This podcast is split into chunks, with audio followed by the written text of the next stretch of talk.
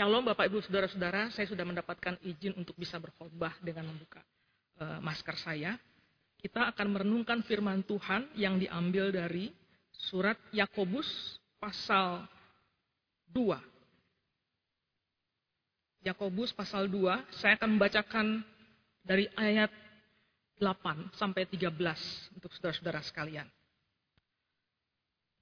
Khotbah saya hari ini saya beri judul Jangan memandang muka. Sebagaimana perikop pasal 2 ini dari ayat 1 sampai 13 diberikan oleh LAI. Saya akan membacakannya dari ayat 8 sampai 13. Akan tetapi jikalau kamu menjalankan hukum utama yang tertulis dalam kitab suci, kasihilah sesamamu manusia seperti dirimu sendiri, kamu berbuat baik. Tetapi jikalau kamu memandang muka, kamu berbuat dosa dan oleh hukum itu menjadi nyata bahwa kamu melakukan pelanggaran. Sebab barang siapa menuruti hukum seluruh hukum itu, tetapi mengabaikan satu bagian daripadanya, ia bersalah terhadap seluruhnya. Sebab ia yang mengatakan jangan berzina, ia mengatakan juga jangan membunuh. Jadi jika kamu tidak berzina, tetapi membunuh, maka kamu menjadi pelanggar hukum juga. Berkatalah dan berlakulah seperti orang-orang yang akan dihakimi oleh hukum yang memerdekakan orang. Sebab penghakiman yang tak berbelas kasihan akan berlaku atas orang yang tidak berbelas kasihan. Tetapi belas kasihan akan menang atas penghakiman. Yang berbahagia ialah mereka mendengarkan firman Tuhan dan memeliharanya dalam kehidupannya hari lepas hari. Saudara saya punya seorang keponakan yang ketika itu masih berumur 4 tahun. Ceritanya akan saya ceritakan kepada saudara. Suatu kali kami jalan-jalan dan dia tertarik minta dibelikan skuter. Di masa itu anak-anak di mall main skuter saudara. Otopet yang roda tiga itu saudara. Dia melihat anak-anak di mall itu seperti demikian dan dia minta untuk dibelikan skuter. Dia minta kepada mamanya dan terjadilah dialog yang sangat alot sekali dengan mamanya karena dia ingin punya skuter. Tapi mamanya mengatakan nggak bisa, nggak bisa beli mainan lagi, udah nggak ada lagi jatahnya untuk beli mainan dan sebagainya. Akhirnya karena saya ini tantenya yang agak sedikit kepo saudara-saudara mencoba menengahi. Gini, gini, gini saya bilang. Bagaimana kalau kita beli skuter untukmu pada waktu kamu ulang tahun? Bereslah perdebatan yang sengit itu saudara dan kami pulang. Dua bulan kemudian memang keponakan saya ini berulang tahun yang kelima. Dan ketika ulang tahunnya itu tiba, tidak ada seorang pun yang ingat skuter. Saya pun lupa sama skuter. Lalu kemudian dia bertanya, mana skuternya? Dia bilang begitu. Saya kelabakan karena saya memang sama sekali tidak ingat itu ada janji dengan skuter itu, saudara. Lalu saya berusaha berkilah dan mengatakan, maaf, aku lupa. Aku lupa pernah janji begitu. Tapi tapi tunggu dulu saya bilang. Apa iya? Saya sedikit berkilah. Apa iya kamu ingin skuter? Di mana mainnya? Apa bisa? Bukankah skuter mahal dan sebagainya? Lalu dengan kesal sekali saudara-saudara, dia mulainya sudah mukanya sudah mulai murung dan dia kesal dia mengatakan satu kalimat yang membuat saya tertegun. Dia bilang gini, "Ah, bau." Dia panggil saya bau, sudah bau itu artinya tante. "Ah, bau mah begitu. Berubah-berubah. Sebentar begini, sebentar begitu." Saya kaget dengar kata-kata itu karena itu keluar dari anak umur lima tahun dan itu betul.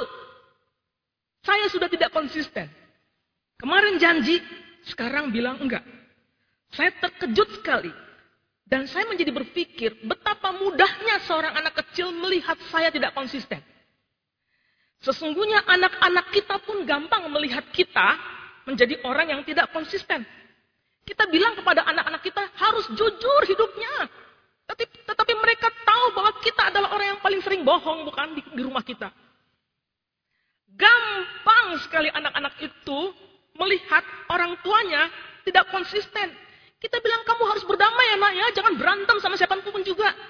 Orang tuanya konflik dengan banyak orang. Gampang sekali buat mereka melihat kita tidak konsisten.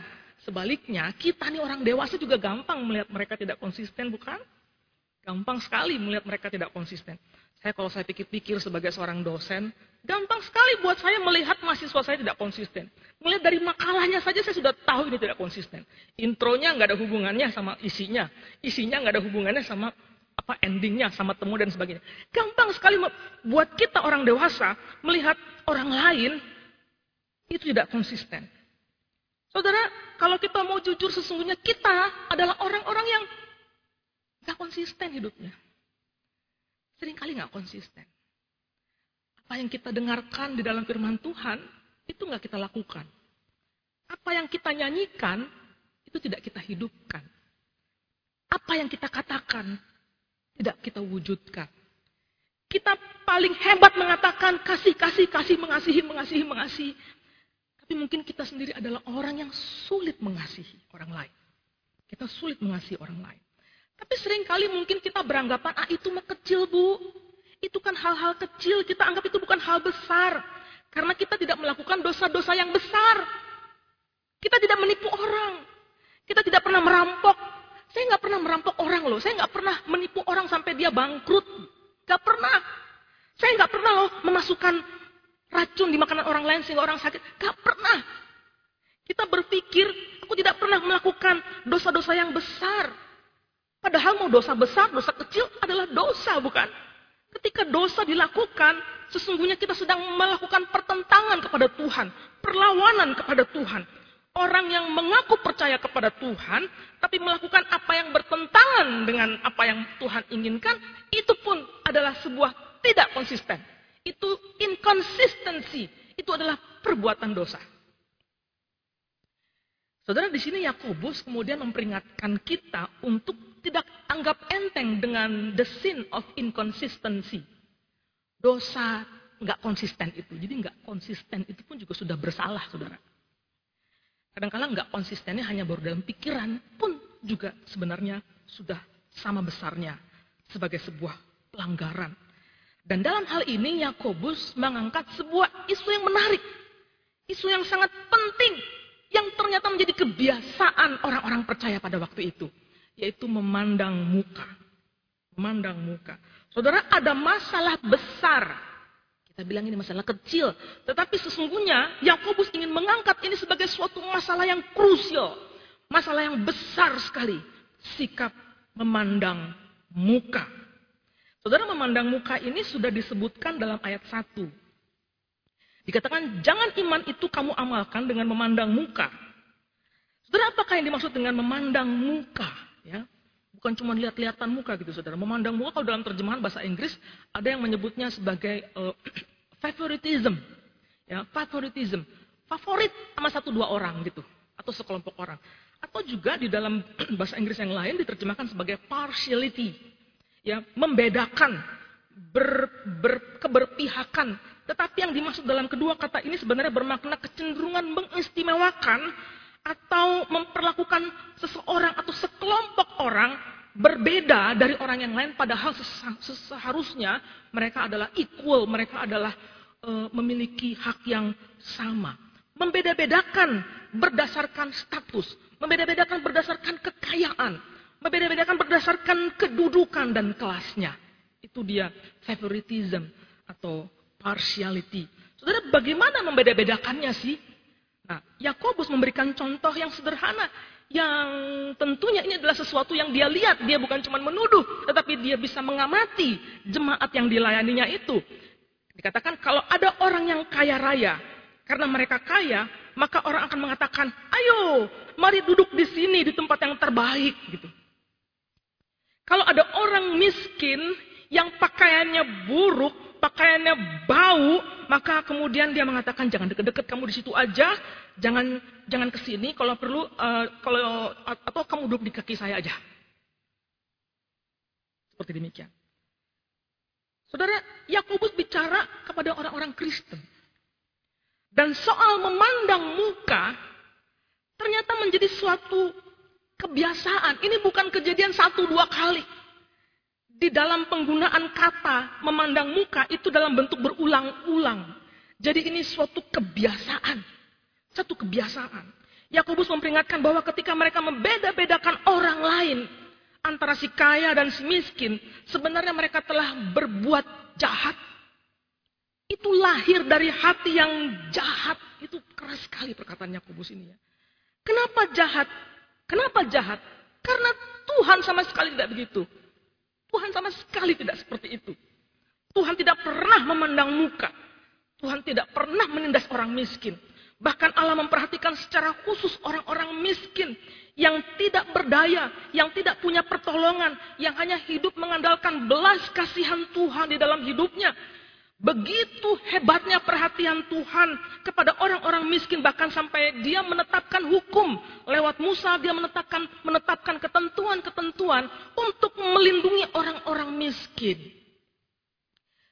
Saudara sebagai pembaca Yahudi, pembaca ya-, Yakobus ini, mereka juga tahu persis bahwa orang Israel itu hidup di dalam ketaatan kepada hukum yang memperhatikan orang miskin. Mereka tahu persis itu. Tapi kenapa orang yang katanya tahu hukum ini, tahu firman Tuhan, ngerti apa yang Tuhan mau, katanya cinta Tuhan, itu berbuat sesuatu yang sama sekali berbeda dan gak ada pada Tuhan. Tuhan tidak pernah memperlihatkan indikasi bahwa dia memandang muka. Pernah. Dan ini adalah tidak konsisten. Tidak konsisten. Saudara, ayat ini bukan bicara bahwa nggak boleh kaya. Bukan berarti kita nggak boleh kaya.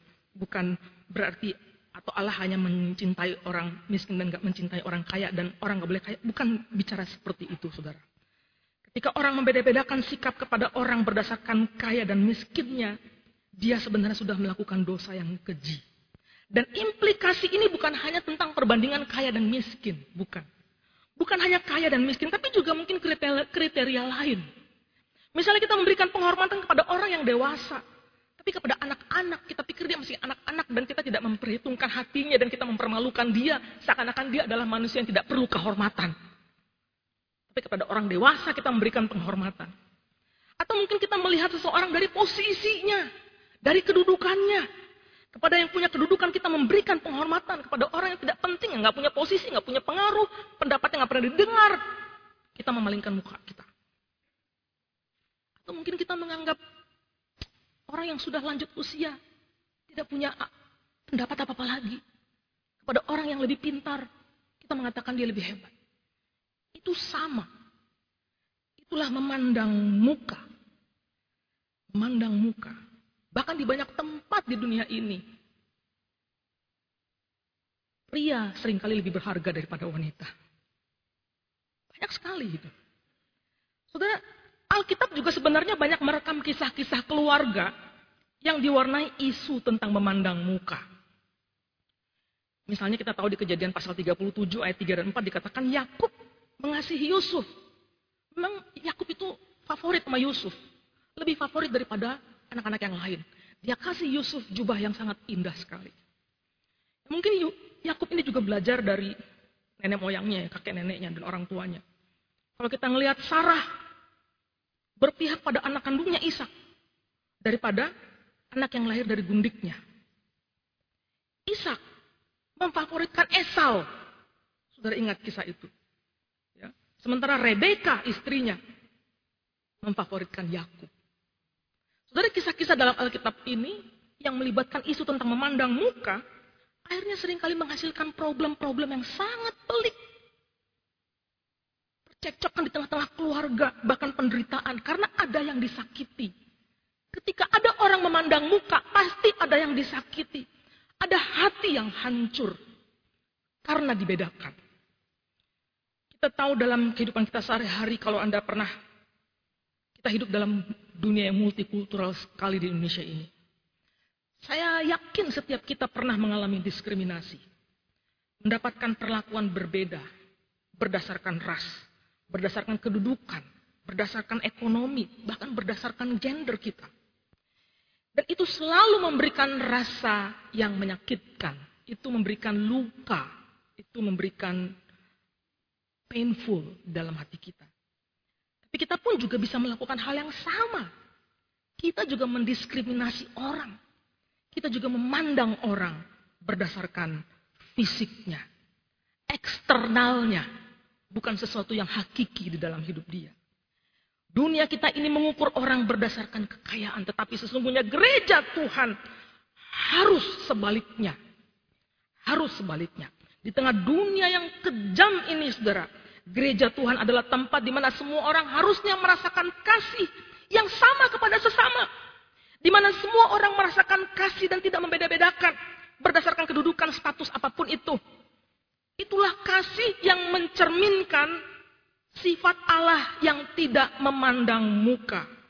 Yang menyatakan cinta kasihnya bukan untuk dirinya sendiri, tapi untuk manusia yang dikasihinya. Nah, saudara-saudara, Yakobus melihat soal memandang muka ini pun bisa merusak kehidupan berjemaat. Dan bagian ini dia ingin pembacanya, dia ingin kita juga saat ini melihat bahwa kebiasaan memandang muka ini sebenarnya masalah yang serius. Serius. Itu bukan masalah yang hanya di pikiran-pikiran kita dan orang lain nggak tahu, saudara. Seserius apa masalah ini? Kalau sebelumnya dia mengatakan begitu seriusnya dosa memandang muka ini karena itu tidak mencerminkan Tuhan. Itu di dalam ayat 1 sampai 7. Tapi di ayat yang kita baca tadi barusan. Di ayat 8 dan 9 ini kita melihat bahwa memandang muka itu adalah bentuk inkonsistensi kita dengan hukum Tuhan. Itu bentuk pelanggaran akan hukum Tuhan. Memandang muka memperlihatkan betapa kita tidak konsistennya di dalam menjalankan hukum Tuhan. Yakobus mengatakan di ayat 8 begini, "Jikalau kamu menjalankan hukum yang utama ini, yaitu kasihilah sesamamu manusia seperti dirimu, maka kamu berbuat baik. Kalau kamu menjalankannya, maka kamu berbuat baik. You are doing well. Artinya kamu sudah baik, sudah melakukan seperti yang Tuhan inginkan. Mengasihi diri sendiri sebenarnya sesuatu yang sejalan dengan mengasihi orang lain, saudara-saudara. Secara natural, kita sudah mengasihi diri sendiri. Tubuh ini sangat kita kasihi. Diri kita ini sangat kita kasihi. Makanya kita menjaga diri kita sedemikian rupa. Kita minum vitamin supaya kita tetap bugar. Kita merawatnya dari ujung rambut sampai ujung kaki kita. Kita melindungi diri kita sendiri. Naturally, manusia akan mengasihi dirinya. Bahkan anak kecil tidak perlu diajari untuk mengasihi dirinya. Dia sudah secara alami akan mementingkan dirinya. Akan melindungi dirinya. Nggak perlu diajar. Dia akan melihat dirinya yang utama.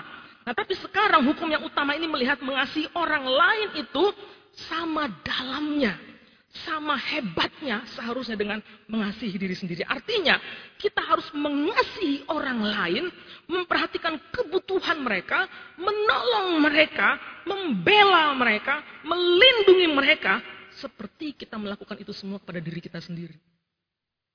Kepada diri kita sendiri. Kalau kita mengasihi sesama seperti kita mengasihi sendiri, Yakobus bilang itu baik Mungkin pembaca Yakobus mengatakan haleluya, tapi sebelum sempat dia mengatakan haleluya, tapi tunggu dulu kata kata Yakobus. Tetapi jikalau kamu memandang muka, kamu berbuat dosa. Memandang muka itu tidak konsisten. Kalau kita mengaku kita mengasihi, tapi kita melakukannya dengan memandang muka, itu tidak baik. Itu tidak konsisten dengan hukum ini. Mengapa demikian, saudara? Karena jika kita mengasihi sesama kita seperti kita mengasihi diri kita sendiri, tentu kita tidak akan berprasangka kepada diri kita sendiri, bukan? Tentu kita tidak akan berbuat jahat kepada diri kita sendiri, bukan? Tentu kita tidak akan menilai buruk diri kita sendiri. Kita tidak akan melukai hati kita sendiri, tidak, bukan? Jadi ketika kita mengaku mengasihi sesama, tapi kita masih memelihara sikap memandang muka, itu seperti begini, saudara. Kita baik di satu area, tapi tidak baik di area lain. Baik di satu area, tapi tidak baik di area lain. Kita sangat baik kepada satu kelompok tertentu. Kelompok ini sangat kita perhatikan. Bahkan buat kelompok ini kita adalah segala-galanya. Buat kelompok ini kita nih orang yang sangat baik sekali. Tapi pada kelompok yang lain kita melakukan perbuatan yang tidak terpuji. Yang sama sekali berbeda. Dan di ayat 9 ini Yakobus mengatakan kamu berbuat dosa. Jelas sekali itu buat Yakobus ya. Jelas sekali dikatakan kamu melakukan pelanggaran. Jadi memandang muka itu adalah pelanggaran akan hukum Tuhan.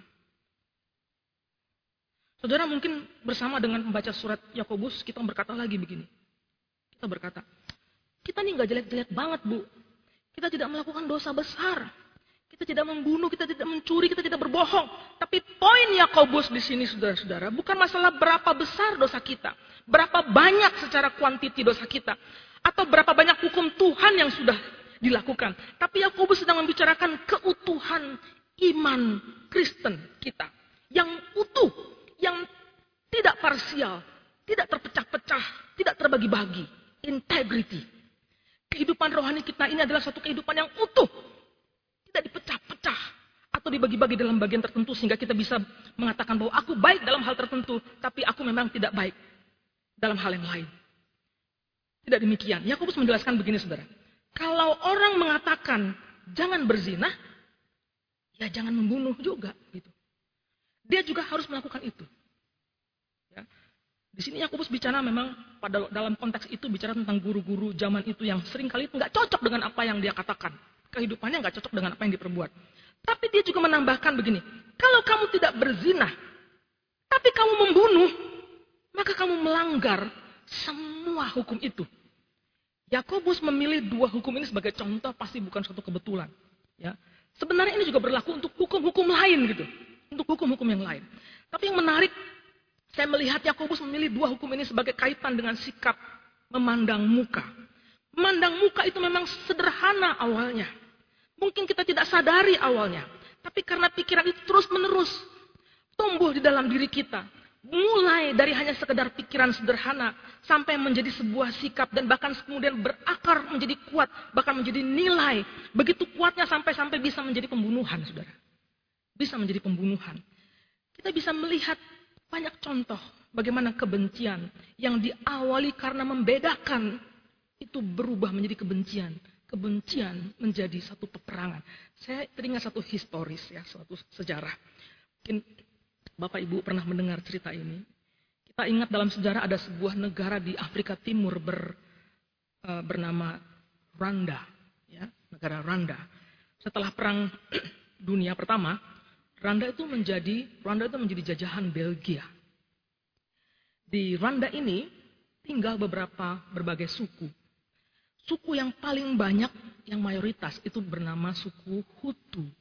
85% negeri Rwanda ini dihuni oleh suku Hutu. Sisanya itu suku-suku kecil. Di antaranya adalah suku Tutsi. Ya. Nah, saudara-saudara celakanya, selama Belgia menguas, berkuasa, si suku minoritas yang Tutsi ini sangat di anak emas kan. Mereka diperlakukan dengan sangat baik sementara suku yang mayoritas, yang suku Hutu tidak. Saudara bisa membayangkan ketika suku Hutu ini melihat bahwa suku Tutsi diperlakukan dengan baik sekali oleh penguasa pada waktu itu, tersimpanlah rasa kebencian itu karena mereka dibedakan. Sampai akhirnya saudara ketika Belgia angkat kaki dari Rwanda dan suku Hutu melakukan revolusi dan kemudian bisa mendapatkan kemerdekaan, mulailah terjadi konflik. Saudara bisa bayangkan bagaimana bagaimana kejamnya suku uh, Hutu ini ingin mengusir, ingin menumpahkan suku Tutsi yang sudah lama diri mereka itu merasa dibedakan. Dan kita tahu saudara ada satu peristiwa yang sangat sangat mengerikan sekali di bulan April tahun 1994 selama 100 hari di bulan itu kedua suku ini saling membunuh. Terjadi perang 100 hari saudara. Dan uh, dalam waktu 100 hari itu terdapat lebih dari 800 ribu orang mati. 800 ribu orang bergelimpangan di jalan. Mereka adalah sebenarnya saudara.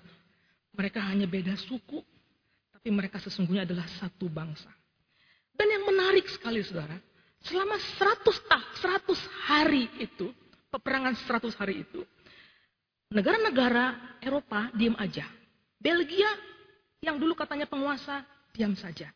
Negara-negara Eropa diam. Amerika juga diam. Banyak kritik mengatakan, kenapa pada diam? Apa karena ini karena Afrika? Gak ada kilang minyak? Gak ada tambang batu bara? Mungkin nggak ada tambang emas.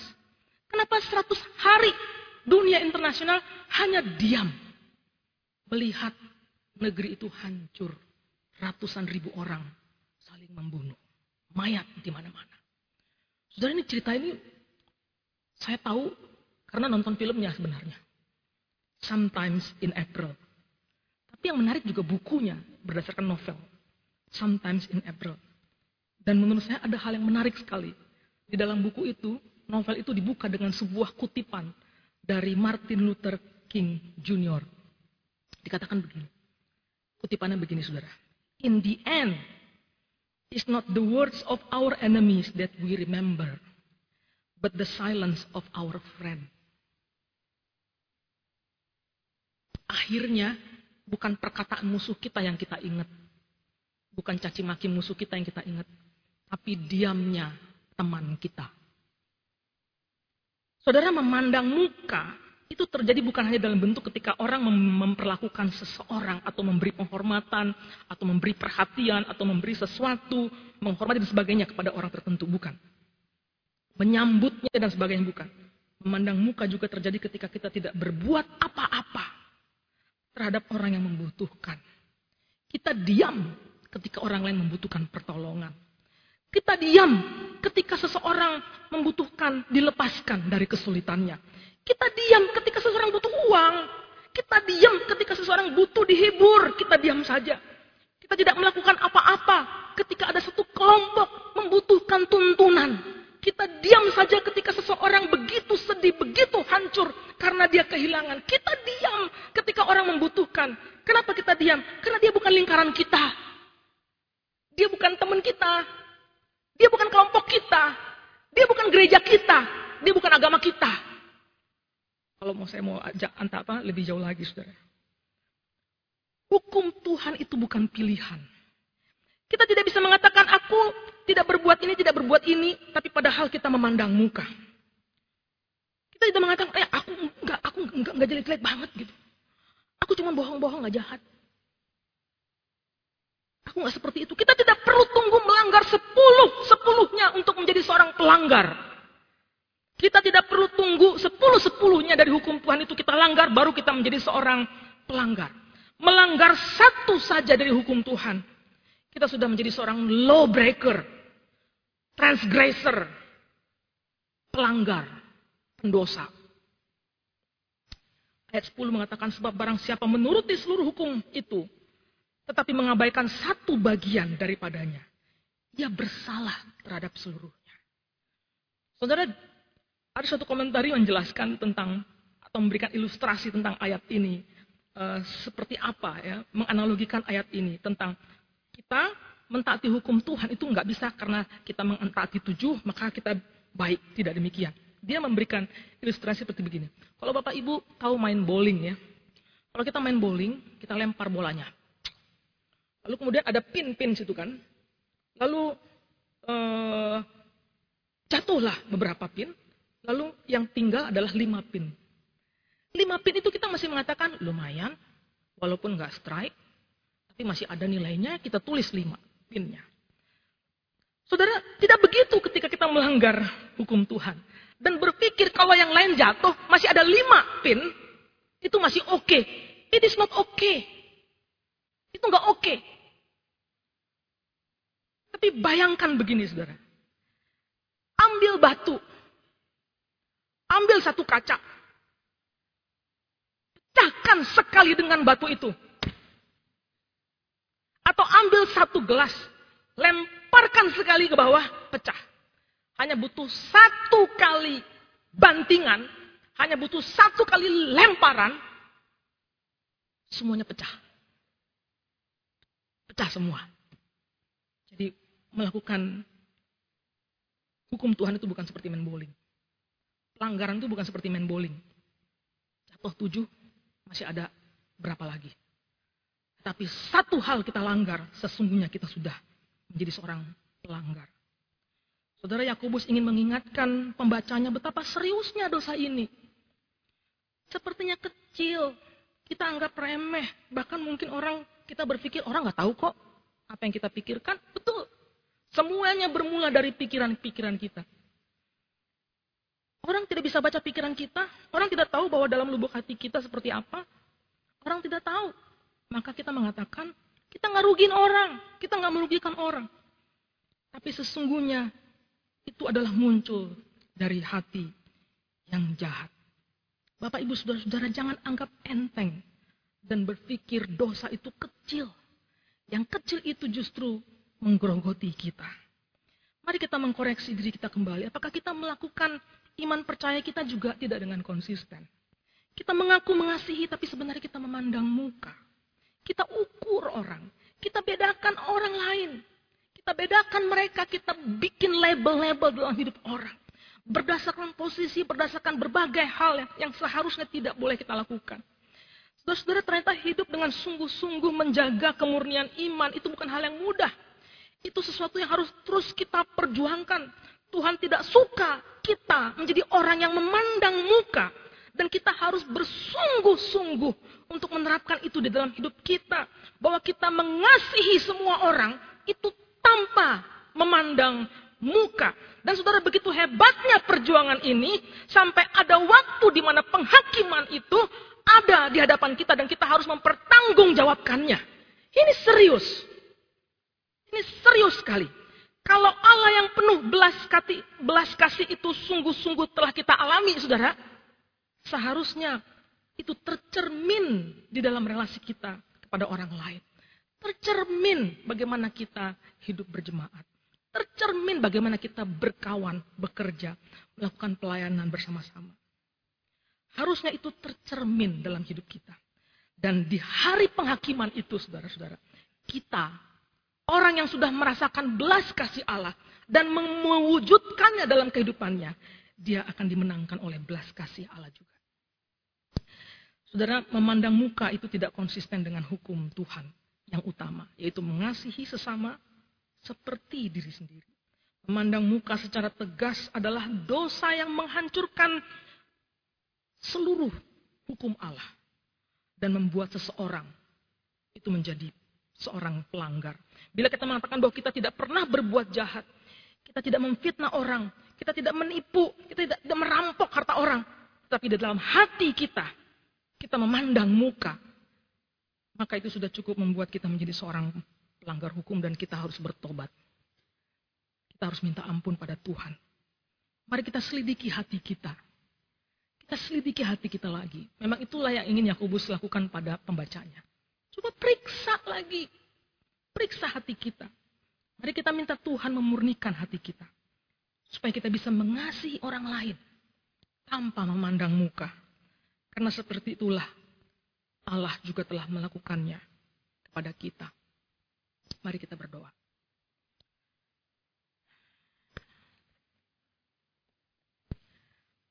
Kami sesungguhnya orang-orang yang tidak pantas menerima kasih Tuhan. Kasih Tuhan yang tidak terbatas dan tidak berkondisi, yang Engkau berikan dengan begitu hebat. Tapi kami mengaplikasikannya dengan sembarangan. Kami lebih suka menilai orang lain, membeda-bedakan menurut kesenangan hati kami. Sehingga itu membawa hidup kami menjadi tidak adil. Kami berbuat tidak adil kepada banyak orang. Dan dengan itu pula kami menyakiti banyak hati orang lain. Bahkan kami mungkin merugikan hidup orang lain. Karena keputusan-keputusan yang lahir itu sebenarnya sesungguhnya lahir dari bagaimana kami membedakan satu dengan yang lainnya. Tuhan, murnikanlah hati kami sekali lagi. Ampunilah kami.